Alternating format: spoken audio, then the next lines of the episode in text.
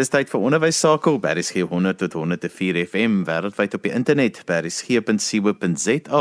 daar jy kan ook na ons luister op die DSTV se audiokanaal 813. Die program is ons in die onderwys saam met my Johan van Lille. Vandag gesels ek met Paul Kolditz, die mens, die persoon wat vir jare diep spore getrap het in onderwys op vele vele vlakke en natuurlik vir baie jare ook die uitvoerende hoof gewees van FETSAS.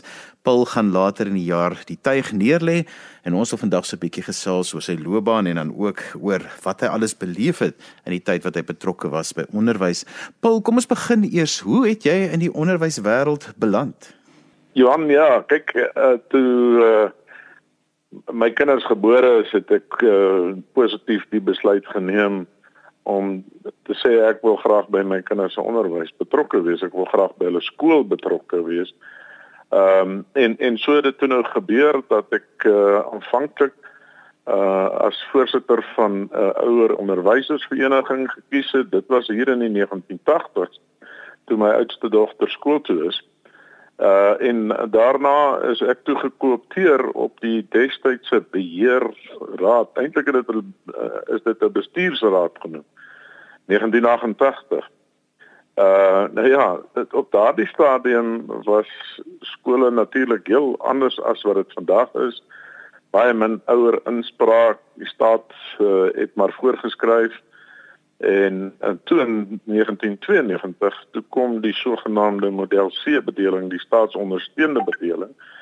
Uh en en toe ek uh, uit die bloute uitgekies as voorsitter uh nadat ek nou weer verkies was op die beheerliggaam En uh dit was dit was 'n moeilike tyd in die opsig dat baie min mense geweet het ja, waaroor gaan hierdie nuwe staatsondersteunende bedeling, die model C bedeling. Uh en ek moes toe nou as voorsitter myself ingrawe. Ek wou graag weet presies hoe werk hierdie ding veral vanuit 'n uh, regs oogpunt. Uh, en ek het toe begin lees en uh, op die manier geïnteresseerd geraak en baie meer betrokke geraak. Dis waar dit begin het.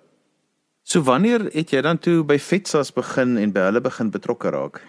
Ja, FETSAS is in 1993 gestig en toe was ek nou nog nie betrokke nie. Ek het in 1995 eers betrokke geraak. Op daardie stadium was ek voltyds praktiserende prokureur uh omdat ek toe nou gesien is as die ou wat uh, hierdie nuwe bedeling bietjie beter verstaan verglo ek is ek toe nou genader om advies te verskaf oor 'n bepaalde kwessie wat ons in die Vrystaat gehad het. En uh, so het ek uh, as regspersoon bietjie meer betrokke geraak en gekoopteer op die bestuur van Vetsas Vrystaat. Op daardie stadium was dit natuurlik nog nie Vetsas nie dit was nog Feesos die vereniging vir staatsondersteunde skole wat onder die vorige bedeling gefunksioneer het. Ja, dat daar het ek nou uh, is ek goed gekoop teen koopteer en ingetrek en toe uiteindelik op die nasionale struktuur beland, 'n uh, federasie op daardie stadium, die federasie van staatsondersteunde skole of SAFSOS soos dit bekend gestaan het. En toe al meer op nasionale vlak betrokke geraak, uh, betrokke geraak by die onderhandelinge met betrekking tot die skryf van die skolewet, eh, die uh formulering van die eerste wetskrif oor skoolonderwys ehm uh, wat uh, nog destyds deur minister Sibusiso Bengu gepubliseer is. So toe ek op nasionale vlak baie meer betrokke geraak. Paul, jy het in baie interessante tye betrokke geraak by onderwys as mens so dink van 1988 af en en interessante tye wat onderwys in Suid-Afrika dan ook beleef het tot en met nou. Vertel 'n bietjie vir my van hoe jy dit beleef het. Interessante merker oomblikke of mylpaal oomblikke in daardie tyd wat vir jou uitstaan as oomblikke wat jy voel mens moet weer gaan terug gaan soen toe met 'n bietjie gaan dink wat daai oomblikke en die impak wat dit gehad het en ook bietjie hoe dit jou geraak het en jou betrokkeheid daar. Dr Henry Stone wat van direkteur-generaal van onderwys was in die vorige bedeling uh het 'n uh, boek geskryf weerskante van die Rubicon. Nou die Rubicon is nou die oorgang na die nuwe en huidige bedeling. Hy was betrokke voor die tyd. Uh ek was toe nou ook self natuurlik betrokke. Uh Dr Stone in die proses leer ken, groot waardering en respek vir hom gehad Uh en het dit nog steeds. Ehm um, maar die die die eerste belangrike kennismaking van my kant af met die met die huidige bedeling was toe die wetskrif 1 uh oor skoolonderwys vir die toekoms gepubliseer is vir kommentaar en ek het daardeur gewerk namens my eie beheerliggaam, my skool se beheerliggaam, namens uh my gemeente waarin ek is en namens ook natuurlik daai tyd nog SAFSOS. Uh en een van die goed wat my onmiddellik opgeval het is in die konsep beleid of in die konsep wetskrif was daar 'n stelling of 'n beginselstelling tot die effek dat die staat dra primêr die verantwoordelikheid van opvoeding van kinders. En, en dit is glad nie ooreenkomstig my siening en ooreenkomstig my doodbelofte en ek het toe geskryf om te sê maar dit is verkeerd. Dit is ouers wat primêr die verantwoordelikheid dra vir hulle kinders se opvoeding. En toe die uiteindelike beleid gepubliseer is, was ek toe nou baie dankbaar om te sien dat my formulering inderdaad so aanvaar is dat uh, ouers die primêre verantwoordelikheid dra vir die opvoeding van hulle kinders. En en nou ja, toe het uh, regter Eberhard Bertelsmann, hy was toe uh, advokaat Bertelsmann, uh, my ook betrek by die hele proses in die onderhandelinge en die gesprekke oor die skryf van die skolewet. Uh en en daar kon ek nou vanuit my ervaring en van kennis van hoe funksioneer 'n skool uh 'n redelike bydrae lewer tot uh die uiteindelike formulering wat toe nou deur die parlement aanvaar is en die skolewet het uh, gevolglik sy die lig gesien as 'n skolewet wat uh, die hele bedeling verander het en 'n uh, unitêre skoolbedeling vir hele Suid-Afrika daar gestel het. Ek wil jous jou vra oor die skolewet, die beginsels wat julle daar gebruik het en en die impak wat dit gehad het. Paul, dit bly vir my fascinerend want daar's baie dinge wat julle moes regstel, maar dit moes ondersteun word deur 'n wet. Ja, inderdaad. Uh, kyk ek men onderwys as ek nou praat van byvoorbeeld uh, uh, in die witbedeling. Ehm um, uh, was daar die wet op onderwys aangeneem teen van 1988. So elkeen van die verskillende onderwysdepartemente uh, vir die vers verskillende bevolkingsgroepe het sy elke wetgewende raamwerk gehad en dit moes alles gekonsolideer word in een unitêre wet wat vir, wat sou geld vir alle skole in die land. Nou ja, goed, daar was ook ander gesprekke en wetskrifte met betrekking tot hoe moet hierdie model lyk? Hoe moet skole geklassifiseer word? Hoe moet skole ingedeel word? Uh en uiteindelik uh, is daar toe nou 'n besluit op uh, op 3 eintlik twee soorte skole net uh openbare skole en dan onafhanklike skole maar daar's ook voorsiening gemaak in die wet vir tuisonderrig. So drie modelle van onderrig maar twee soorte skole alleen. Al en dan verder dis na die skolewet, waarmee was jy toe nou nog betrokke? Ja, wel ek het toe nou betrokke gebly by FETSAS uiteindelik uh, ook op verrassende wyse vir my in 1998 gekies as die nasionale voorsitter. Uh, ons het uh, in die proses en daardie hele oorgangsproses natuurlik sou die staatsondersteunde skoolmodel verdwyn. So 'n federasie van staatsondersteunde skole sou ontoepaslik wees. En dit is toe waar die naam verander is na 'n federasie van Suid-Afrika van Suid-Afrikaanse skole en omdat dit so 'n lang naam is, verkies ons maar die akroniem van FETSAS. Uh 1998 het nuwe uitdagings gebring. Uh nou moet ek die, die hele organisasie landwyd lei as as voorsitter op daardie stadium. En uh natuurlik ook in ehm uh, uh, mes mes wil dit nou op eufemistiese manier sê maar met gevegte met die departement en met die ministerie. Maar uiteindelik uh, in 1999 daartoe gelei, eintlik 1998 kort na my verkiesing uh gesprek met uh, minister Bengu en uh, waar ek toe vir minister Bengu voorgestel het om hierdie tipe van konflik te probeer ontlont, moet ons 'n uh, 'n uh, 'n forum tot stand bring. Ehm uh, waar beheerliggame en beheerliggaamorganisasies nou goed vet soos was op daardie stadium die enigste beheerliggaamorganisasie in die land en ook die enigste beheerliggaamorganisasie wat deur die minister erken is. En van daardie gesprek wat ek met hom gehad het in 1998 om te sê kom ons bring 'n forum tot stand waar ons sake van gemeenskaplike belang kan bespreek en kan debatteer en tot besluite kan kom wat tot voordeel is vir al wat vir al wat kind in die land is in in onderwys. Uh en die minister het dit aanvaar in 1999 is toe die nasionale raadplegende forum tussen ons en die nasionale en die minister uh is tot stand gebring en tot vandag toe vergader daardie liggaam elke kwartaal.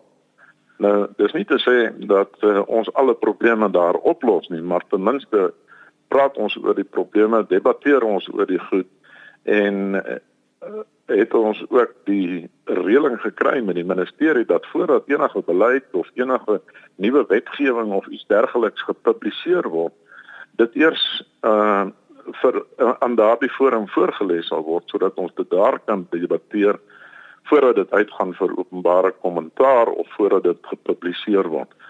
So dit was ook vir my 'n hoogtepunt die feit dat daardie raadplegende forum in 1999 tot stand gebring kon word en dat dit tot vandag toe kan funksioneer. Sedertdien uh, het dit natuurlik uitgebrei geraak en en dit is dat ons dit ook reg gekry het om 'n soortgelyke raadplegende forum in elke provinsie tot stand te bring. Sommige van hulle funksioneer uitstekend, hierdie provinsiale forums.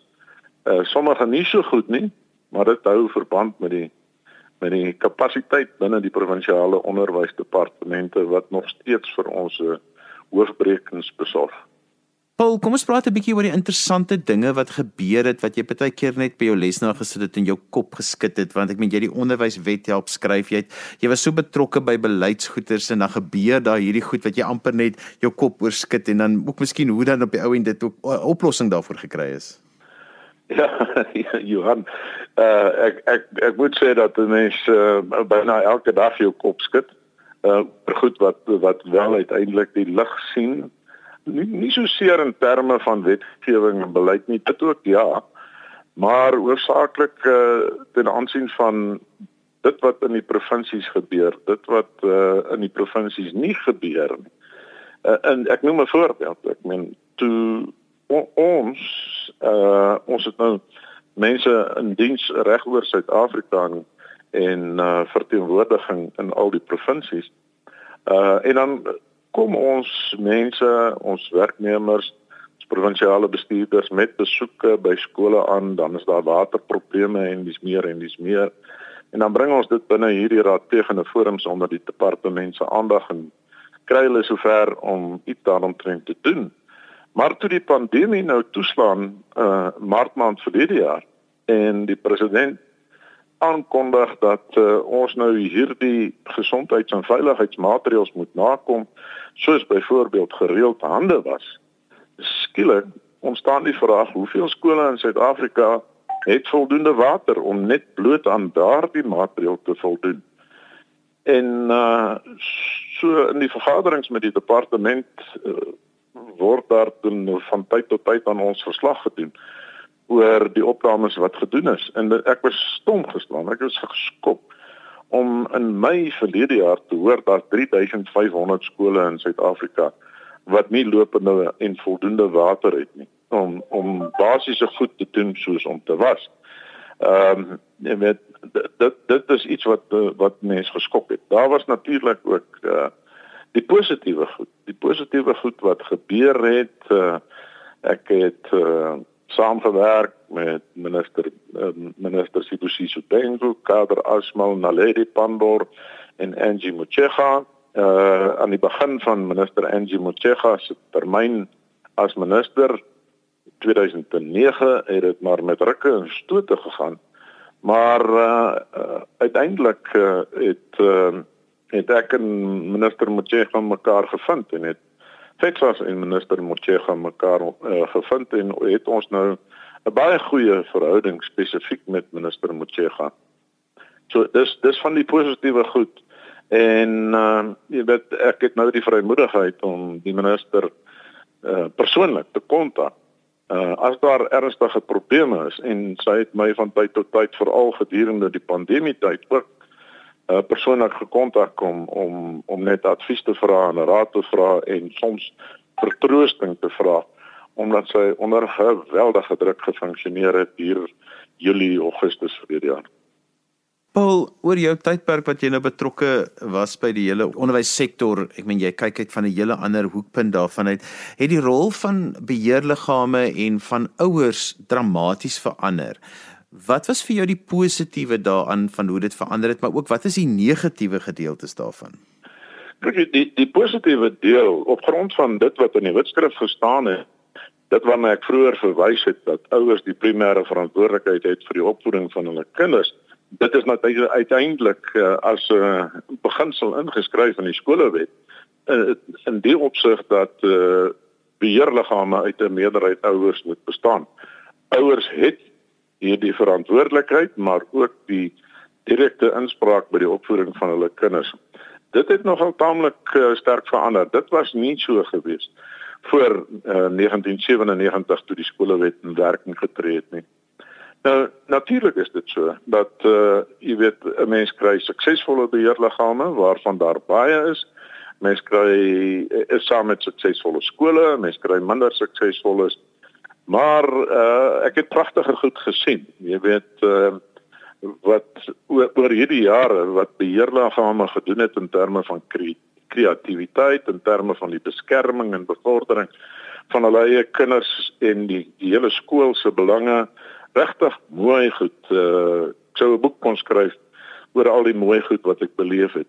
En dan in baie gevalle is die dienslewering van provinsies van so 'n aard dat jy weet as die beheerliggaam nie daar was om in te tree en verantwoordelikheid te aanvaar en die skool te dra en die skool te rig en te bestuur en te beheer nie dan sou dit in baie gevalle beteken dat onderwys in daardie skole ook uiteindelik uh tot niks sou gegaan het.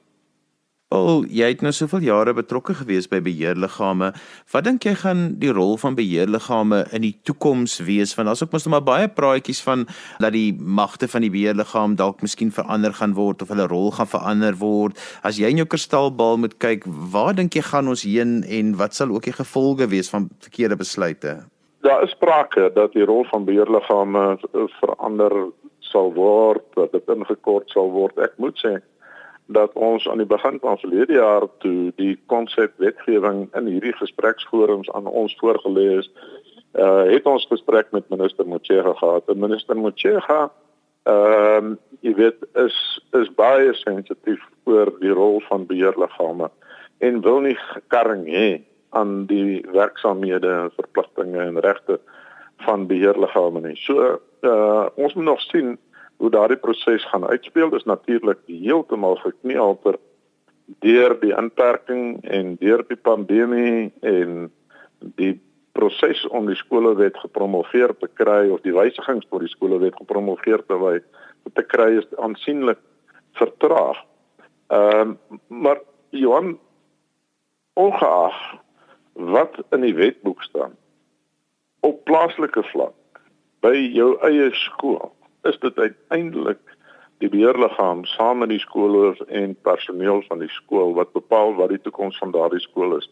Maak nie saak noodwendig wat op die wetboek staan nie. Natuurlik moet 'n mens die wette nakom, verseker.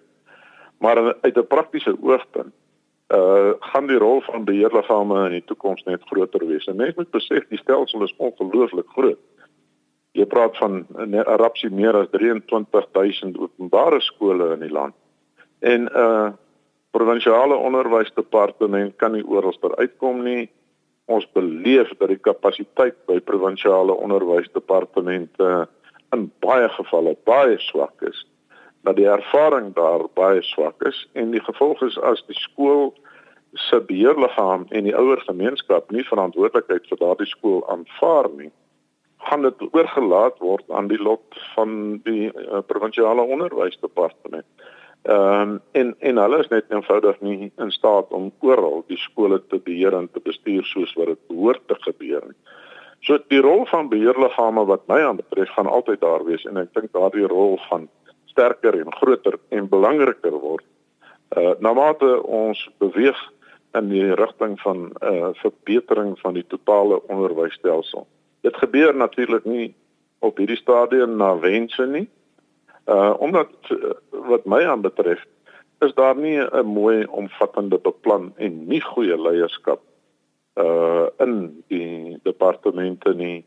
Nie 'n uh, gedeelde visie tussen byvoorbeeld die beheerliggaamorganisasies vakbonde uh en en die departement van onderwys nie. Daar's nog hopeloos te, te veel vyandskap uh tussen byvoorbeeld vakbonde en en die en die departement van onderwys uh wat wat veroorsaak word deur sulke goed soos loononderhandelinge gebrek aan ooreenkomste oor uh ons het die situasie met die ANAS so 'n paar jaar gelede gehad en die onvermoë om daardie konflik op te los lei tot 'n gebrek aan 'n gedeelde plan waarby almal inkoop om seker te maak dat elke kind in hierdie land kwaliteit onderwys onderwys in die klaskamer ervaar. Paul, as jy was betrokke by die skep van die onderwyswet en die hele proses rondom dit en dan ook toe sy inwerkingstelling en alles. As jy nou terugkyk, paar dekades later en jy dink aan wat jy toe gedoen het en jy kyk na die onderwyswet met die kennis wat jy nou het, sou jy dit anders gedoen het of sou dit nog steeds so gewees het uh, soos wat jy dit daai tyd gedoen het?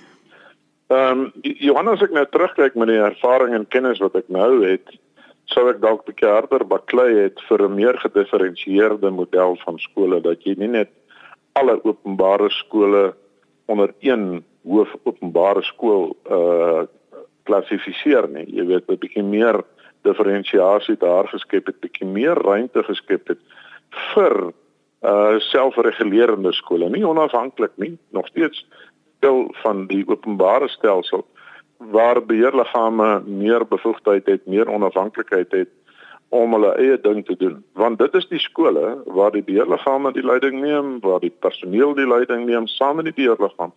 Is dit die skole wat uitsonderlik goed presteer en regtig ons het uh, van die beste skole in die wêreld. Uh, maar ongelukkig is hulle in die minderheid. En dit is ook die boodskap wat ons nou aan die minister oorgedra het, maar hulle byt nie heeltemal daaraan nie.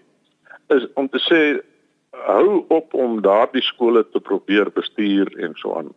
Uh maak seker dat jou uh skoolhoof uitstekend opgelei is sodat die skoolhoof verantwoordelikheid aan kan aanvaar en nie getreiter word deur allerlei administratiewe voorskrifte en administratiewe pligte wat van departementele kant af nagekom moet word sonder dat enigiemand ooit weet of enigiemand na daardie klomp administratiewe papiere kyk nie. Ehm um, so gee meer uh onafhanklikheid, gee meer verantwoordelikheid vir daardie skole en fokus dan op die meerderheid skole waar dit nie goed gaan nie en waar onderwys nie in 'n goeie toestand is nie. Dit sou ek dalk harder voorbaklei het. Ons het dit gedoen. Ons het dit gedoen in 95 in die gesprekke. Maar dit is nie aanvaar nie. Ehm um, die departement wou uh en die ministerie wou 'n one size fits all hê. Maar die, die one size fits all werk nie meer nie. En dit moet verander. Paul sit in slotte, jy gaan nou die tuig later van jaar neerlê. Wat gaan jy maak daarna? Gaan jy maar net aangaan met elke aand se braai? Johan, ek sê vir mense, jy weet, ek gaan nou fokus daarop om te doen wat ek wil doen en en nie dit wat ek moet doen nie. Die die elke aand se braai storie is maar dit is maar my beurt in die aande om kos te maak en enigste manier hoe ek dit kan doen is is om te braai en dit is ook vir my terapie. Jy weet nie noodwendig die om die vleis gaar te kry nie, maar 'n hele ritueel om die vuur aan die gang te kry en in die vlamme te staar en 'n bietjie na te dink oor oor die lewe en oor alles. So, ja, die fokus is op wat ek wil doen en nie meer wat ek gaan doen nie en dan ook om te oefen om nee te sê. En so gesels Paul Kolditz, hy lê later vanjaar die tuig neer by Fetsas en dan gaan hy aftree, diep spore getrap in Suid-Afrikaanse onderwys waarvoor ons hom baie dankbaar is. Paul, baie dankie, dit was heerlik om met jou te gesels. Baie dankie. En jy kan weer na vandag se program luister as 'n potgooi, laai dit af by resgep.co.za. Dan groet ek dan vir vandag tot volgende week van my Johan van Lille. Totsiens.